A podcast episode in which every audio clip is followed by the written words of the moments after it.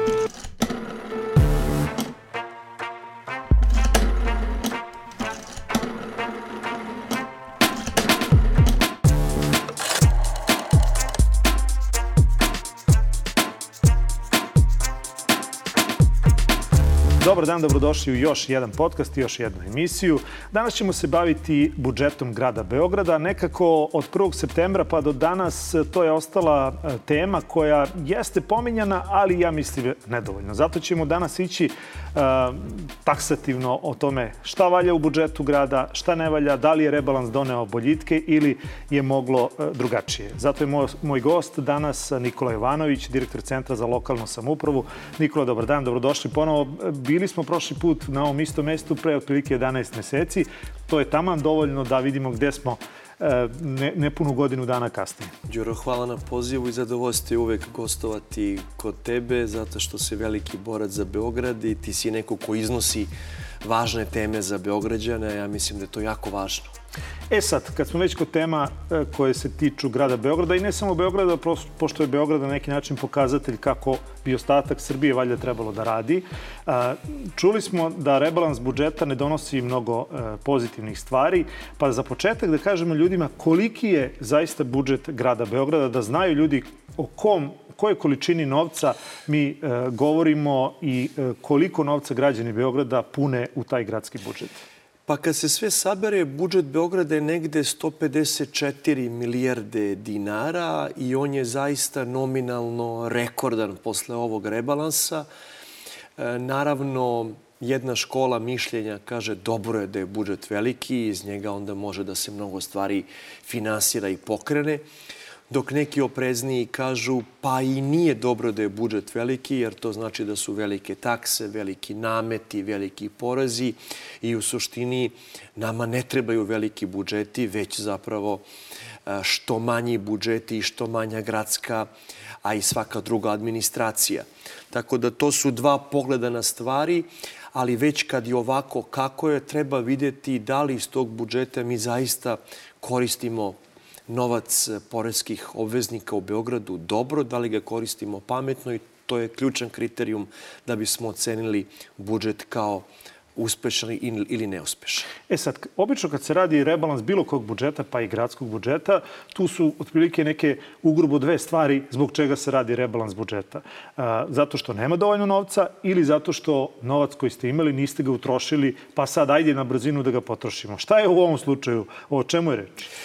Pa ovaj rebalans je najavljen kao pokušaj da se pred prestojeću, ne treba to kriti, tešku zimu. Ja mislim da će e, u Evropi i u Srbiji biti narednih pet zima dosta teških, e, bez obzira da li se radi o ekonomskoj situaciji, energetskoj situaciji, svakoj drugoj, smanjenom prilivu investicija, skupljim kreditima. Treba da se svi generalno spremimo na pet malo težih godina. I e, sa tim motivom je urađen rebalans. Da sada, kada dolaze malo teže vremena, kada je novac skuplji, malo napravimo neke uštede, malo pametnije postojeći novac realociramo i napravimo jedan krizni budžet. U ostalom, i gradonačelnik je rekao da će rebalans biti e, jedna vrsta prikaza njegovog kriznog plana za Beograd u narednoj zimi. Međutim, desilo se nešto za mene očekivano, za većinu ljudi neočekivano, a to je da ne samo da nema rebalansa uh, u smislu novih ušteda, pametnijeg trošenja novca, odustajanja od gluposti, već se i neki ključni projekti za Beograd odlažu. Tako da dobili smo budžet koji je gotovo uh, jednak onom izvornom, možda čak i malo veći, ali po meni e, još štetniji, bez manje administracije, bez značajnijih ušteda, bez odustajanja od glupih projekata, a oni bitni projekti se odlažu za jednu ili čak dve godine. Ajde sad, e, za početak da kažemo, kad vi kažete tako ste ih krstili glupi projekti, na što tačno mislite? Pa znate kako, tu pre svega mislim na one stvari koje građani Beograda kritikuju već godinama. Znači i dalje u budžetu smo zadržali stvari kao što su gondola, kao što su jarboli, kao što su slične stvari, kao što je e, ogroman budžet, preko 4 milijarde dinara, e, javno osvetlj, osvetljenje. E, tako da u tom smislu nema ušteda odustajanjem od projekata koji su Beograđani gotovo plebiscitarno odbacili. S druge strane, imamo povećanje administracije, imamo zapošljavanje novih birokrata, De. imamo povećanje mase plata, pa i u javnim preduzećima i u gradskoj upravi. Tako da, na primjer, u jednom, evo vam, zamolio sam za što više primjera. Imamo, na primjer, da u, jav, u javnom komunalnom preduzeću pogrebne usluge masa plata se povećava za 20%. Imamo slučaj da u jednom gotovo fiktivnom javnom komunalnom preduzeću Beogradski metro, gde Beograd gotovo da uopšte nema nadležnosti. E, imamo slučaj da za to fiktivno preduzeće dajemo 400 milijard, e, miliona dinara godišnje u bruto iznosu gde imamo jednog direktora koji zaista se nikada nije bavio metrom. A, to je čovek koji je moj kolega iz bivšeg saziva Gradske skupštine koji je bio zadužen za ambroziju. A, a on je čak pojačan po znacima navoda sa sedam izvršnih direktora. Pričamo o Andreju Mladenoviću. Jeste, jeste. Ja izbegavam da imenujem ljude jer prosto nisu ni oni krivi. Ovaj, kriva je politika koja dozvoljava da umesto jednog profesionalca koji je bio saobraćeni inženjer i koji je doprineo da u Beogradu profunkcioniše BG, e, BG e, voz. E, umesto njega dolazi jedan, jedan, jedan momak koji ima, da kažem, sumnjive kvalifikacije koji se nikad nije bavio metrom.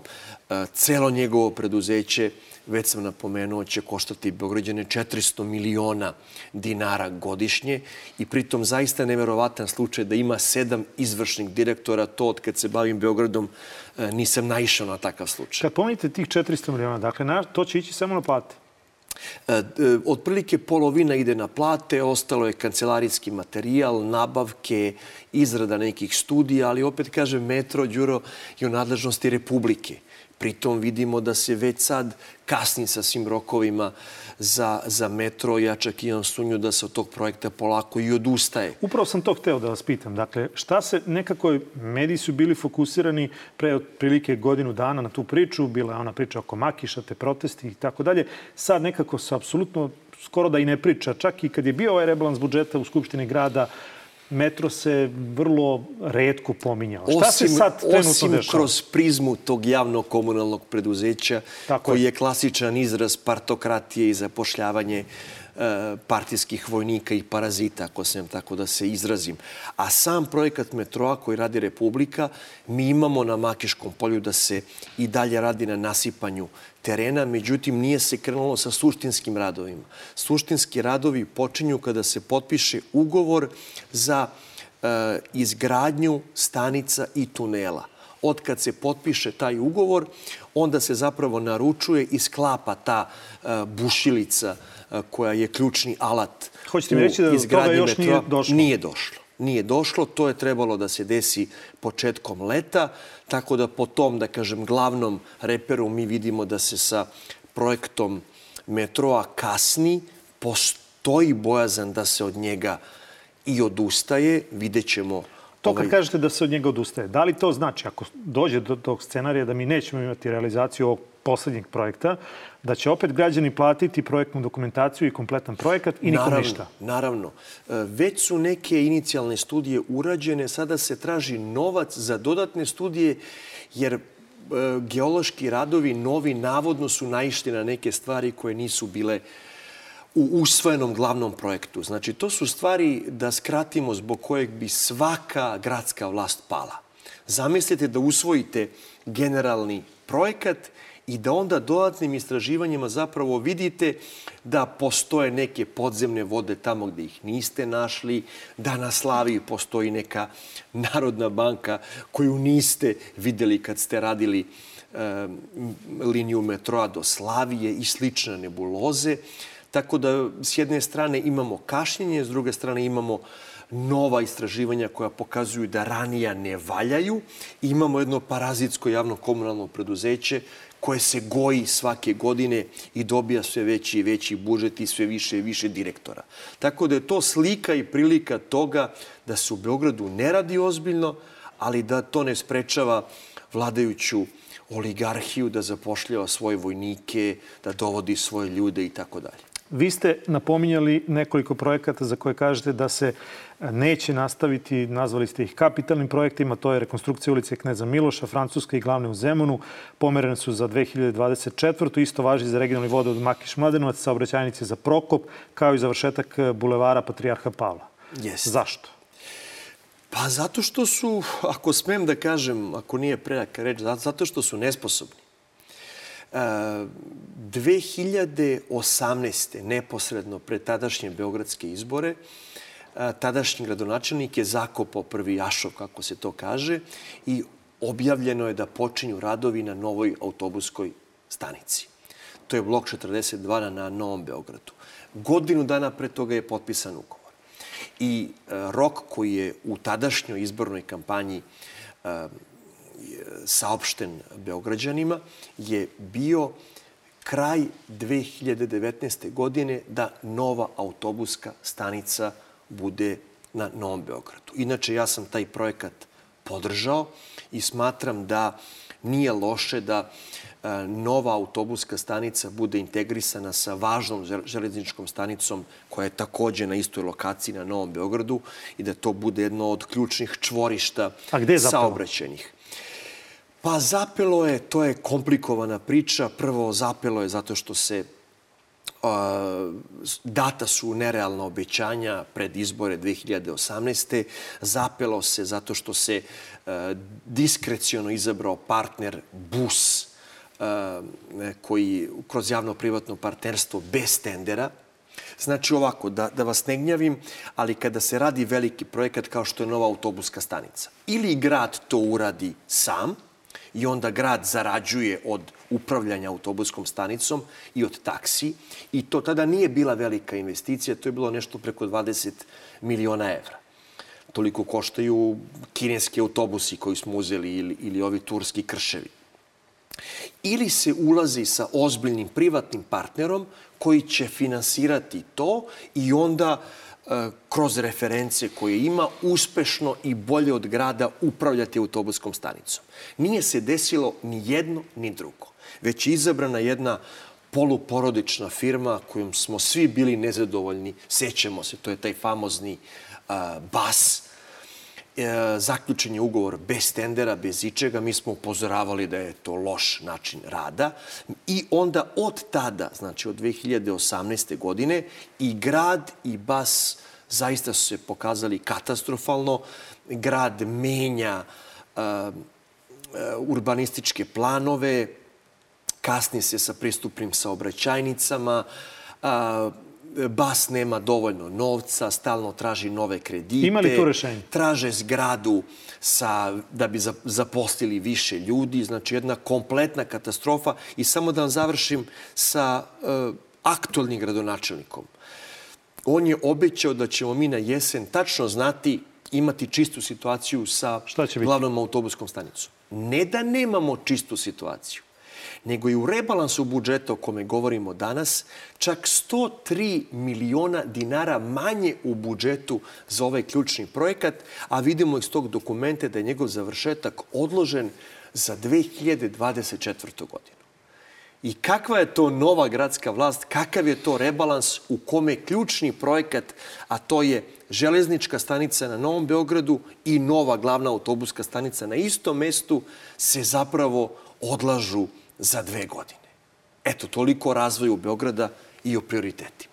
Sad, ima tu dosta e, primjera koji, su, koji se mogu nazvati kapitalnim projektima. To je uh, onaj, onaj projekat koji, ja mislim, o njemu se priča jedno 30 godina, bar koliko ja pamtim da se o tom... A to je uh, dovođenje tople vode iz tenta i da bi se time grejalo pola uh, Beograda, to je Novi Beograd. Uh, znamo, bile su cevi, pa su ih sklanjali, pa zatrpavali, pa sad kako krenu bilo koji izbori, tako se ta priča ponovo uh, stavi na dnevni red. Uh, šta je tu zapelo? Dakle, da, jer, pa jer tada je, je govor, uh, pričano da to nije toliko skup projekat koliko bi on doneo dobra onima koji, koji žive u, na Novom Beogradu. Znate kako, to je isto kompleksan projekat, to je spajanje tenta A sa zapravo um, postrojenjem na Novom Beogradu, glavnom toplanom beogradskom. I taj projekat je u nekim studijama ocenjen kao isplativ, u nekima kao neisplativ. Sada kada imamo situaciju da u suštini imamo samo jednu liniju snabdevanja sa Rusijom, a to je Turski tok, i čak, ako se ne varam, Putin je rekao da preti sabotaža i tog e, cevovoda, mislim da je logično da se manje oslanjamo na ruski gas, ne iz političkih, već iz najlogičnijih mogućih razloga. I u ovom kontekstu taj projekat ima smisla i mislim da ga treba raditi. Jer bi se grejali zapravo na toplu vodu, odnosno na paru koja se skida sa tenta A. I koja i onako odlazi i ničemu ne služi, tako? Pa u suštini ta para se skida sa turbine, tako da bi uh, ona značila neku, nešto manju proizvodnju struje, ali, da, ali u nekoj normalnoj situaciji sa obnovljenim blokovima to bi moglo da se izvede e, profitabilno i za TENT i za Beogradske elektrane. Ugovor je potpisan, ali vidimo da se i sa njim nije zapravo započelo. Zbog čega? Zato što prema mojim informacijama opet imamo jednog nesposobnog direktora u Beogradu, to je direktor Beogradskih elektrana, gospodin Rade Basta, za koga sam ja u nekom momentu rekao da je on beogradski Grčić, I to su kadrovi koji prosto možda nisu zlonamerni, nemaju lošu nameru, ali prosto nemaju dovoljno kvalifikacija da rukovode velikim komunalnim sistemima u Beogradu. I mislim da je sa te strane se kasni sa realizacijom ovog projekta, a da vrlo kratko pomenemo takođe ono što je bitno, nama je jako važno da oživimo Prokop kao makar formalno glavnu železničku stanicu i ti si ga pomenuo pristupne saobraćajnice će biti gotove za Prokop tek opet 2024. godine. Tako da dolazimo u situaciju da ni u sledeće dve naredne godine nemamo funkcionalnu glavnu autobusku, niti funkcionalnu glavnu železničku stanicu. Kada tome dodamo da nemamo ni Beogradsku luku koja de facto ne radi, da nemamo ni ovako bitne projekte kao što su toplo dalekovod, mi zapravo vidimo da je Beograd na ivici toga da potpuno stane i da prestane da funkcioniše na neki zdrav način. Jer ovaj balon u kome živimo, stanogradnja i e, dovlačenje vikend turista, bojim se da u vremenima krize neće biti dovoljan i da ćemo tek platiti cenu kašnjenja e, ovih važnih projekata i nekih pogrešnih investicija koje smo radili. Šta se dešava sa e, projektom za postrojenje za prečišćavanje vode?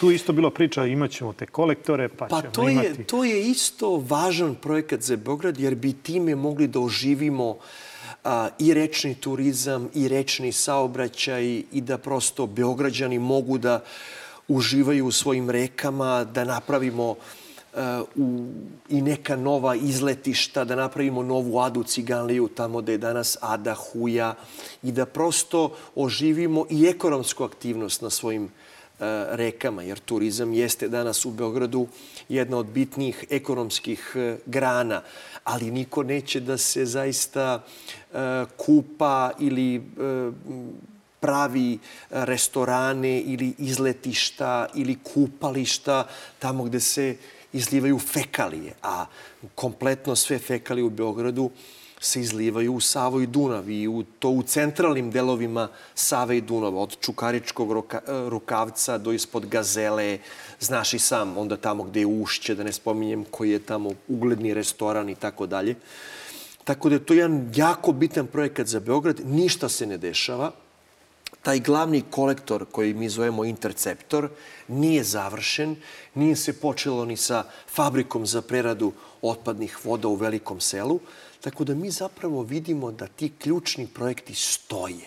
Ali meni je ovde sad ključno pitanje, e, sad ispravite me ako, ako ja to pogrešno shvatam. Dakle, ako krećeš u određeni projekat, moraš da obezbediš e, e, sredstva za taj projekat, to uzimaš ili iz sobstvenih sredstava, delimično iz sobstvenih, delimično iz kredita ili u potpunosti iz kredita. Znači imaš jedan zatvorenu finansijsku konstrukciju i krećeš u projekat. Dakle, da li to znači onda da smo mi dobili novac, pa ga potrošili u neke druge svrhe, ili znači da uopšte nismo dobili novac, već smo samo zamajavali narod e, time da imamo projekat i da je to super za Beograd, a da ćemo se usput e, snaći za, za novac. Dakle, zašto to, ukoliko smo imali novac, zašto to nije krenulo u realizaciju? E, mi imamo novac konkretno za toplo dalekovod, smo uzeli kredit i plaćamo penale zato što se nije krenulo sa realizacijom tog projekta. Takođe, za prvu fazu za prečišćavanje voda za prvu fazu fabrike za preradu otpadnih voda u Velikom selu takođe je nabavljen novac. Međutim, ja mislim da je razlog vrlo prozaičan. U Beogradu mi nemamo profesionalni menadžment.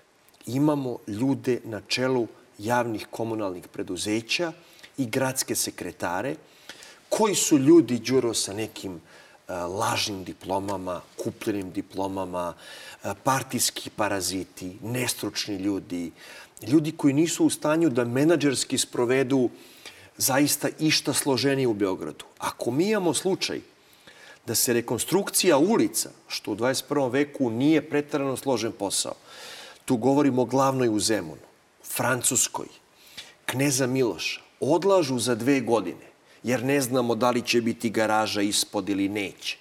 Sećate se, mi nismo mogli da iskopamo podzemne prolaze na rekonstruisanoj Slaviji koja je koštala preko 2 miliona evra. Vraćamo se na ono što ja mislim da je suština.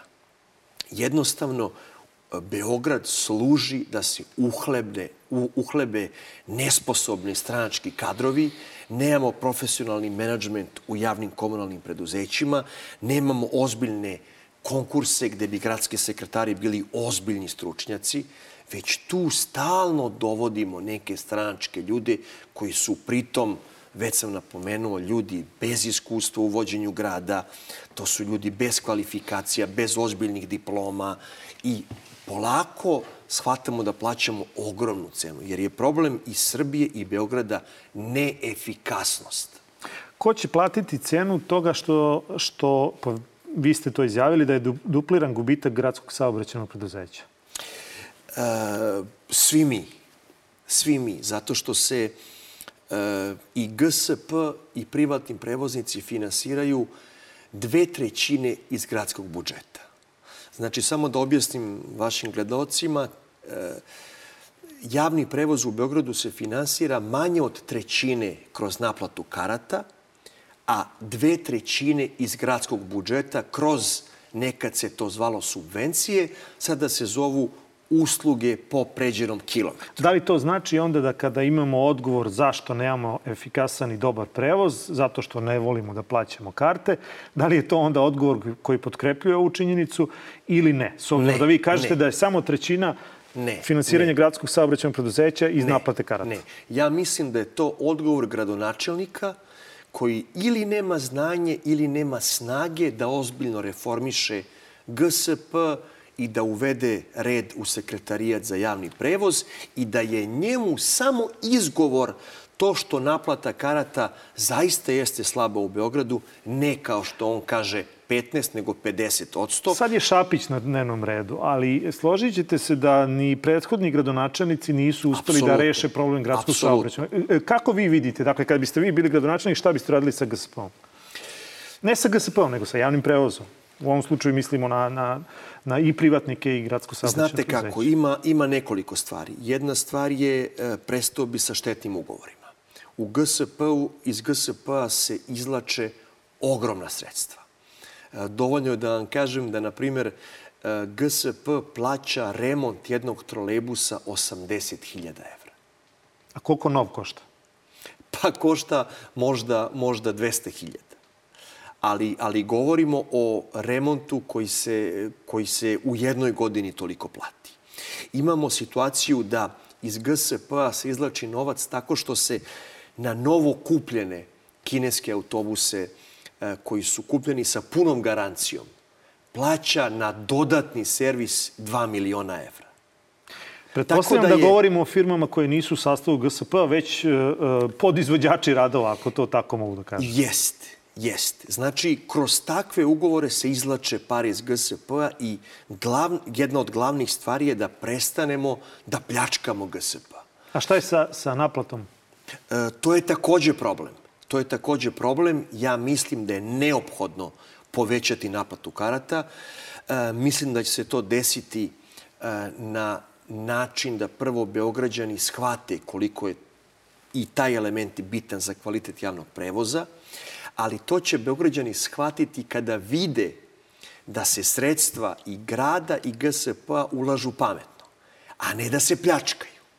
Jer koji je motiv građana da više plaćaju karte ako vide da na milion drugih stvari pare cure? Ali evo, koji model Onda... biste vi primijenili u naplati karata u Beogradu? Dakle, imali smo firmu koja nije gradsko saobraćeno preduzeće. Prosto je nevjerojatno da jedno preduzeće kao što je GSP, koje decenijima funkcioniše u Jest. Beogradu i koje je imalo svoje zaposlene, Jest. kako god smo ih zvali, Jest. E, kondukteri ili kako god, i on tada je funkcionisalo. I onda odjednom mi ne znamo da radimo svoj posao, nego angažujemo dodatno privatnu firmu koja će da nas nauči kako da naplaćujemo Đuro, ta, ta, prevoz u gradu. Ta firma je imala smisla recimo te 2010. godine. Jer su oni zaista doneli jedan novi softver, doneli su novu opremu, doneli su novo umrežavanje E, softversko, e, da znamo tačno koliko putnika u kom autobusu, koliko se plaća karata.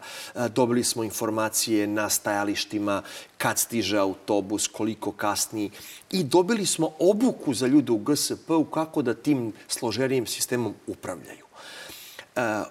Tako da možemo tu naći opravdanje za pomoć u privatnom partneru. Zašto je taj ugovor produžen?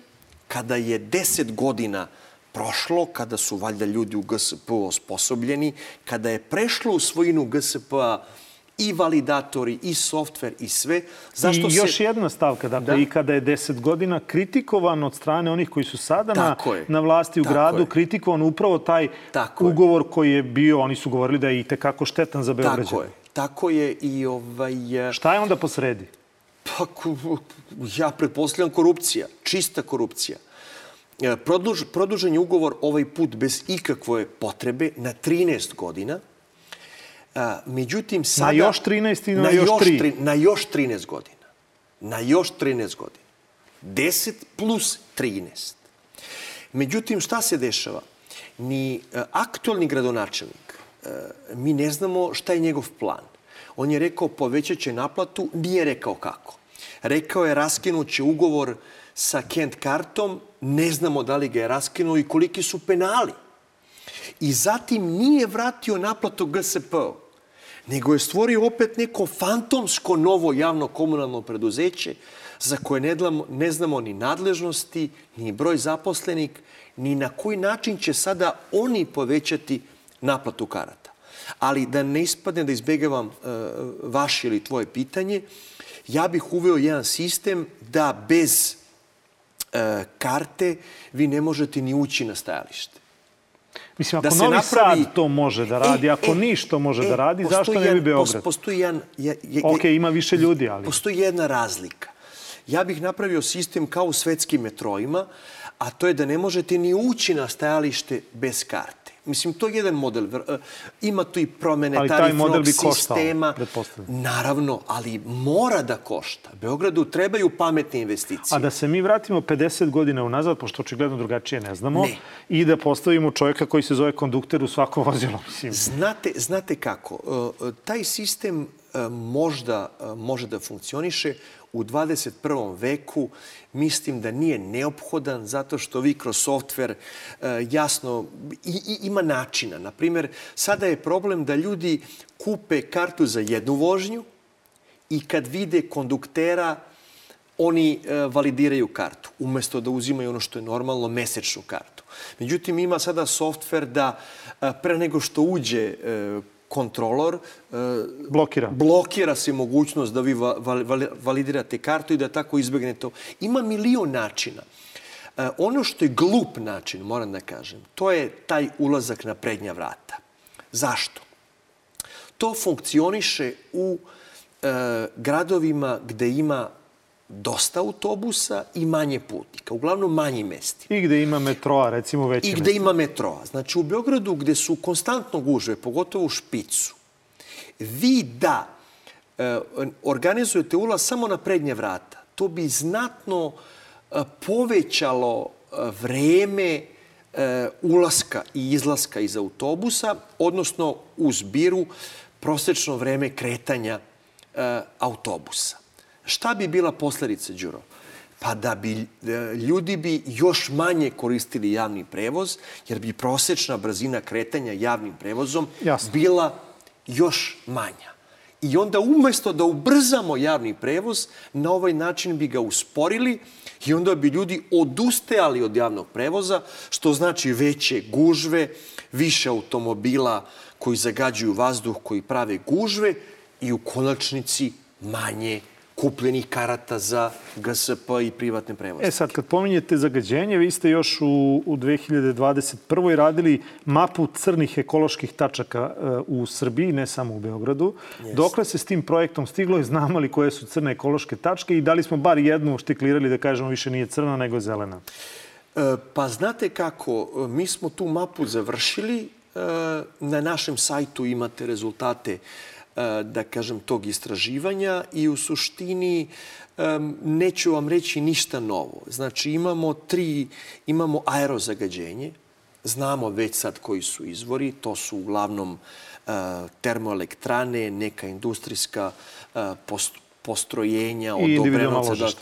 Da, imamo ogroman problem individualnih ložišta gde se loži nekvalitetni ili nekontrolisani lignit, gde se uh, e, lože e, mokro drvo, neona, ne znam, osušena, koja emituju manje partikularnih materija i imamo izlivanje štetnih substanci e, u Beogradske reke i imamo naravno to što nemamo kanalizaciju, gde imamo prave temperane bombe, to je ovaj, Dunavski rukavac kod Ade Huje, Čukarički rukavac, na, na, na Savi i tako dalje. Znači, pozivam i vaše gledalce da na sajtu Centra za lokalnu samoupravu vide koje su to crne tačke, ali nažalost odgovor na nastavak e, tvog pitanja je ni jedna od tih ekoloških bombi nije se krenulo sa rešavanjem.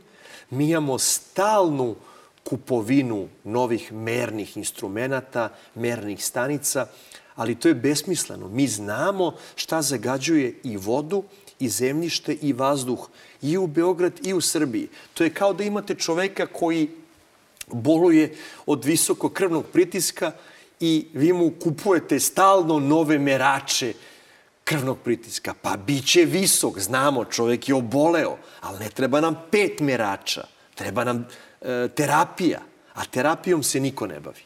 E sad, da se vratimo na početak, dakle, još jednom o budžetu. Ako kažemo, ako sam ja to dobro preračunao, budžet grada je preko milijardu evra, je li tako? Pa skoro milijardu 400 miliona. Tako je. U kombinovan sa gradskim opštinama. Pa kud odoše sve te pare? Dakle, gde to ide? Pa to je... To je... I možemo recimo napraviti poređenje, ako imate, pošto znam da sarađujete sa ostalim lokalnim samoupravama, ne samo u Srbiji, već i ostalim e, državama, bar regiona. Da, dakle, možemo li napraviti poređenje sa jednim, šta znam, Zagrebom? Recimo? U Zagrebu, na primjer, 2 milijarde evra budžet, iako je e, manji grad. Duplo manji. Duplo manji grad, e, veći je budžet. E, znate zašto? Zato što između ostalog, a opet se vraćamo na suštinu – Na primer, u Zagrebu postoji industrija. U Zagrebu postoji privreda. E, u Zagrebu postoje privredne zone. E, nažalost, mi u Beogradu e, uspešno ubijamo svoju industriju. Opet, to je onaj koncept još od 2017 a to je da, ćemo, da će Beograd biti jeftina vikend destinacija i da ćemo živeti od stanogradnje, od tog e, babla u, stano, u, u, u nekretninama i od, i od tih e, turista. Mi e, više nemamo, mi smo u Beogradu imali ozbiljnu industriju brodogradnje. Mi smo u Beogradu imali i Karbus. Mi smo u Beogradu imali i druge ozbiljne fabrike. Nažalost, mi od toga više nemamo ništa. Beograd je nekada bio zaista trgovinski centar ovoga dela Evrope i 70. godina, na primjer, Beogradska luka je imala veći pretovar od bilo koje jadranske luke na a, a, našoj obali. Danas ona faktički više ne postoji. Ima li znači, nešto... vi, vi ako nemate mogućnost da se bavite trgovinom e, obima, da iz e, čak Azije uvozite robu, pa je e, dalje kroz e, Dunav transportujete u centralnu Evropu. Ako e, brzom železnicom iz grčkih luka ne možemo da robu premestimo u Beograd pa je pretovarimo i obrnuto, Beograd prestaje da bude komercijalni i trgovinski centar, nema velikih investitora i ekonomija grada pada. Dobro, ali vi ste detaljno prostudirali ovaj budžet, pa kud, još jednom, kud odoše te pare? Dakle, gde se najviše daje? Pa znate kako, e, najviše se daje na javni prevoz. To je skoro 300 miliona evra. Govorimo o pojedinačnim stavkama. E, druga bitna stavka je naravno administracija. U Beogradu, ako e, uzmemo u obzir i javna komunalna preduzeća, Ali evo, samo, ima samo, preko, samo jedna upadica. preko 22.000 zaposlenih. 22.000 u gradskoj upravi. u gradskoj upravi plus javna komunalna preduzeća. Koliko je to novca? Računali. Pa znate šta, to je, to je recimo sigurno četvrtina budžeta. Znam, na primjer, da ovim rebalansom je, je povećana masa zarada i povećan je broj zaposlenih. Ali evo, onda ako kažemo da plaćamo, mislim, sad možda će zvučati smešno, ali ako kažemo da plaćamo 300 miliona uh, evra godišnje uh, prevoz, gradski prevoz u Beogradu, pa onda ispode da ga plaćamo. Što bismo plaćali kartu kad ga i ovako plaćamo? Pa upravo tako. Upravo tako. Koja je svrha? E, pa nema svrhe. Da, Ovo da, je besmisleno. Da, gradski prevoz funkcioniše kako bi to, recimo, funkcionisao, ne znam, ajde, uzet ćemo Ljubljanu za Da. primjer.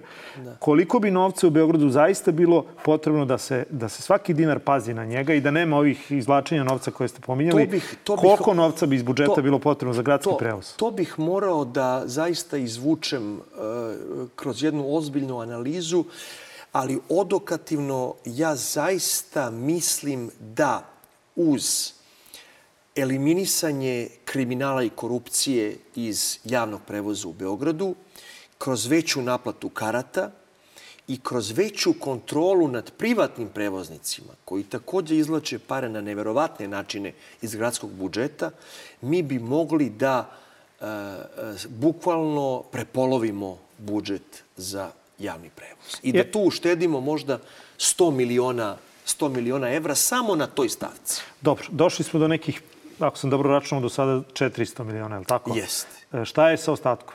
Kud to ide?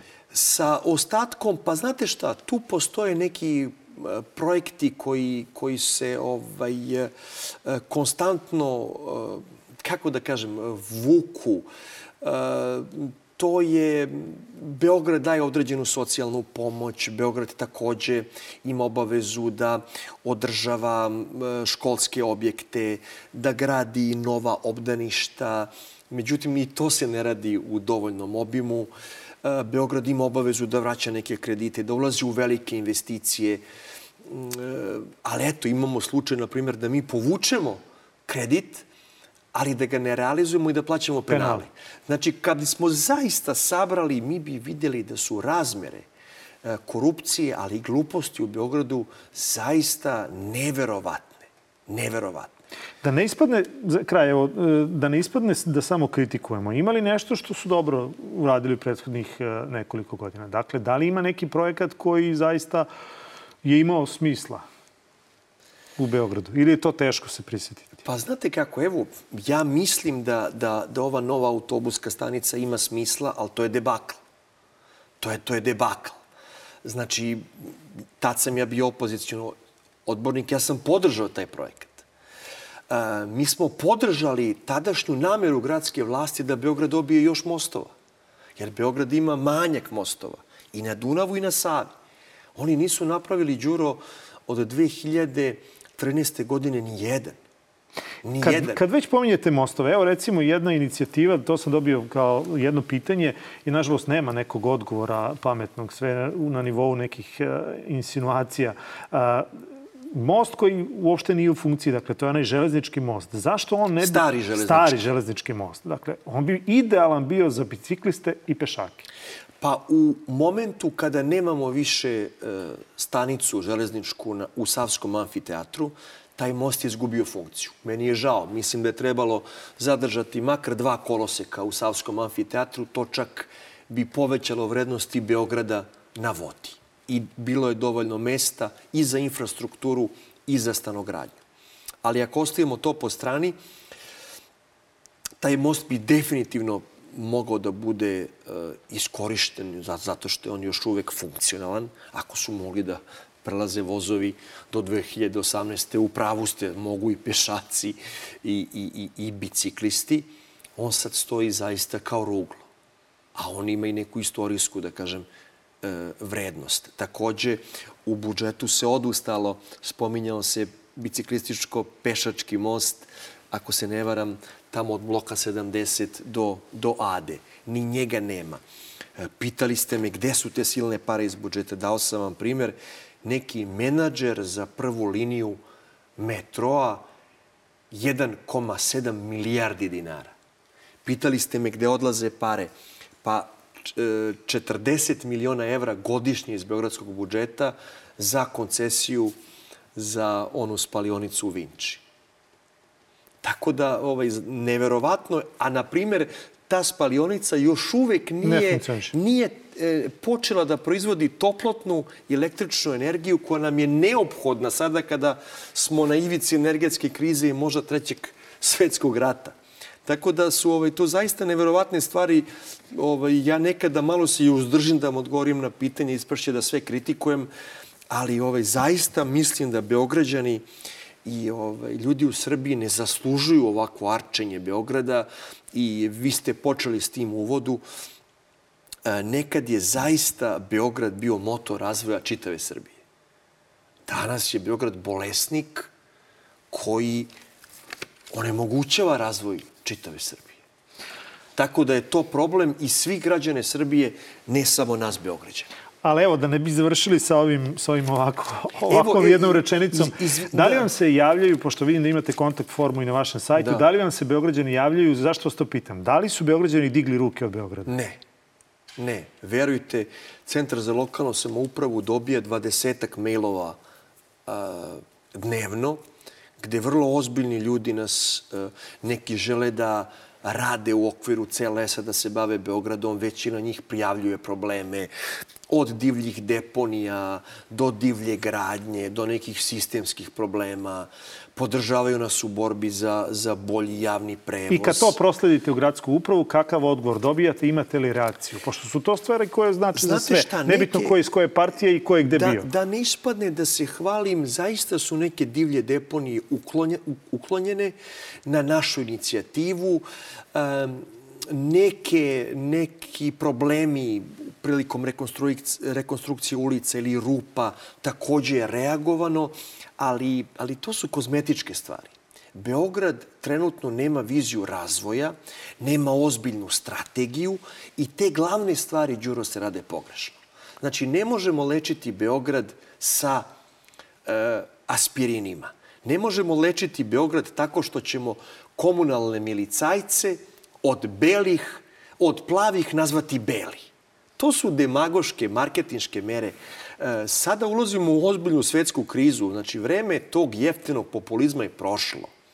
Sada nam trebaju u Beogradu ozbiljni menadžeri koji znaju da uštede, da sačuvaju novac, da ga usmere, da završimo te glavne projekte. A ne demagozi koji kažu e, ne znam, od sad će se zvati e, plavi beli ili napravit ćemo još novih javnih komunalnih preduzeća kao da dva direktora mogu da bolje reše problem nego jedan, e, koji će nas zamajavati sa tim pričama da će se neke stvari rešavati, a da se apsolutno ništa ne rešava. da će, mislim, mogu da vam nabrojim milion primjera, ali... Pošto nekako iz tih rečenica nazirem da, se, da je reč o Aleksandru Šapiću, onda da ne ostanemo dužni. Da. Šta je sa 11. aprilom? Zato, zato što sam pročitao da i on funkcioniše da, da gubi. Pa, da je gubitnik. Znate kako, meni je tu bilo interesantno, evo ja sam vam povodio Jer tu imamo neke... jednu onako selitbu funkcija. Dakle, imamo gospodina Bovana koji jest, je bio direktor, jest. pa je sad predsjednik opštine Novi Beograd, jest. imamo Aleksandra Šapića koji je bio predsjednik opštine Novi Beograd, pa je sad gradonačelnik i imamo čovjeka koji je bio sada, sadašnji direktor 11. aprila koji je takođe u toj istoj Znate kako, ekipi. kada, kada gradonačelnika pitaju odakle njemu, da kažem, ambicija i hrabrost da preuzme rukovodđenja Beogradom, pošto je čovjek bio uspešan sportista, posle neku, neki doktorat navodno kupovao i tako dalje, on kaže vrlo spretno, pa ja sam bio uspešni predsednik e, najbogatije srpske opštine Novi Beograd. Vi kad malo zagrebete, prvo vidite da na ovim poslednjim beogradskim izborima opozicija je ubedljivo pobedila e, Šapića e, sa SNS-om upravo na Novom Beogradu.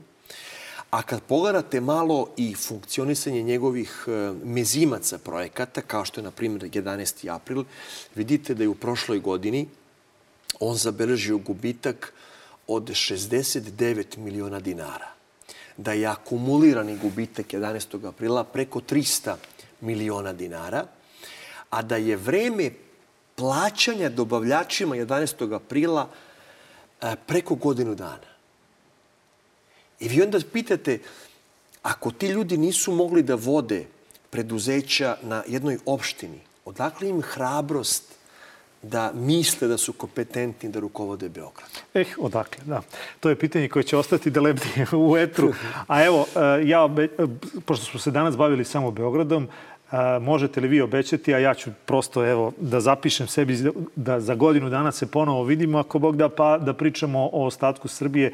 Ružno je reći to o ostatku Srbije, ne volim to kad kažem, ali o ostalim gradovima koji nisu Beograd, pa pošto je to centar za lokalnu samoupravu, dakle da se bavimo Novim Sadom, da se bavimo Nišom, Naravno, Suboticom i ostalim Naravno, to su takođe gradovi sa ogromnim problemima, a ja predlažem da se možda vidimo i malo I ranije. ranije, zato što ja negde mislim da će varednih izbora biti u martu ili aprilu. Mislim da sadašnjom gradskom postavkom nisu zadovoljni ni većina Beograđana, ali čak ni partija koja ih je predložila. Tako da negde mislim da će do... Da se vidimo u maju. Da, oz, da će do ozbiljnijih promena u Beogradu doći već na proleće. Hvala puno. E, moj današnji gost bio Nikola Jovanović, e, direktor Centra za lokalnu samoupravu, a vi šaljite vaša pitanja. Ja ću se truditi da odgovore sakupim, pa ćemo onda, ja se nadam, već sledeće nedelje biće dosta odgovora na već pristigla pitanja. 069-893-0023, to je Viber broj. Pišite na Instagram, Twitter i Facebook e, mrežu Pitajte Đuru ili vaše pitanje šaljite na e-mail adresu pitajteđuru.nova.rs.